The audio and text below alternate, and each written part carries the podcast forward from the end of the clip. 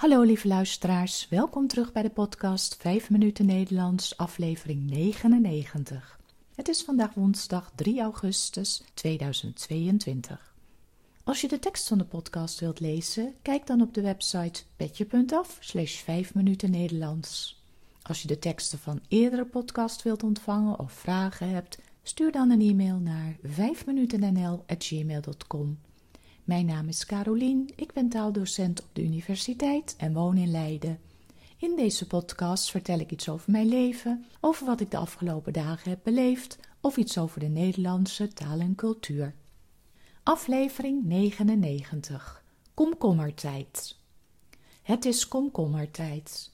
Dit woord wordt gebruikt om een rustige zomerperiode aan te duiden, waarin er weinig nieuws en weinig te doen is. Het wordt vooral gebruikt als er weinig handel is. Het is niet helemaal duidelijk waar het woord precies vandaan komt. Eén verklaring is dat het seizoen om komkommers te oogsten vroeger altijd in de zomer was. Voor de komkommerkwekers was dit dus een drukke tijd. Maar in veel andere beroepen was er dan juist niets te doen. Tegenwoordig groeien komkommers in de kas en worden ze het hele jaar door geoogst. Hoe dan ook, in veel talen bestaat er wel een soortgelijk woord voor de wat rustige periode in de zomer. Op de universiteit is het nu in ieder geval wel komkommertijd. Er is weinig te doen. Ik liep vanmorgen door het gebouw en er waren maar een handvol studenten. Sommigen doen een intensieve zomercursus in een bepaalde taal en anderen bereiden zich voor op het toelatingsexamen Engels voor hun studie. Verder is het er uitgestorven. De kantine is dicht, er is alleen nog een kopje koffie te krijgen in het literaire café. Ondanks de stilte geeft het ook wel een gezellige sfeer onder de docenten en de studenten die er wel zijn.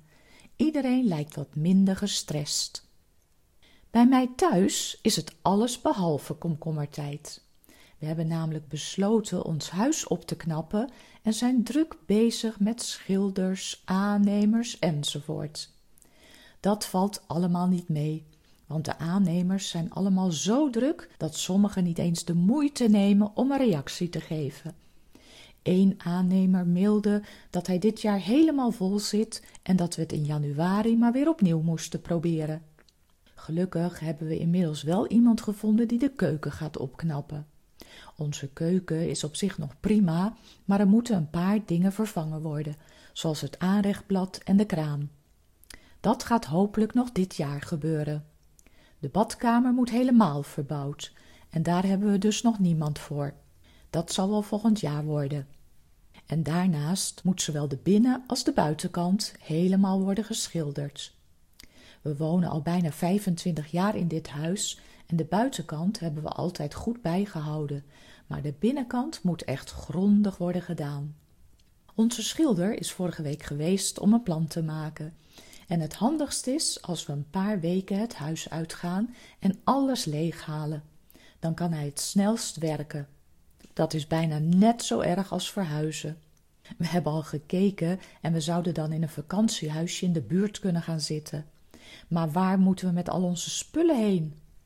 Een vriend tipte ons dat je een soort box kunt huren en voor je huis neer kunt zetten, waar je dan alle meubels in kunt opslaan. Ik zal eens gaan informeren of dat voor ons een goede optie is. Gelukkig duurt het nog even, want de schilder heeft ook pas begin 2023 tijd. Ik kan dus nog even aan het idee wennen. Maar dan wordt het ook vast erg mooi en kunnen we er weer jaren tegenaan. Wist je trouwens dat er heel veel soorten witte verf zijn? Ik had geen idee. En ik vond het ook erg moeilijk kiezen. Een beetje meer crème of juist weer wat witter.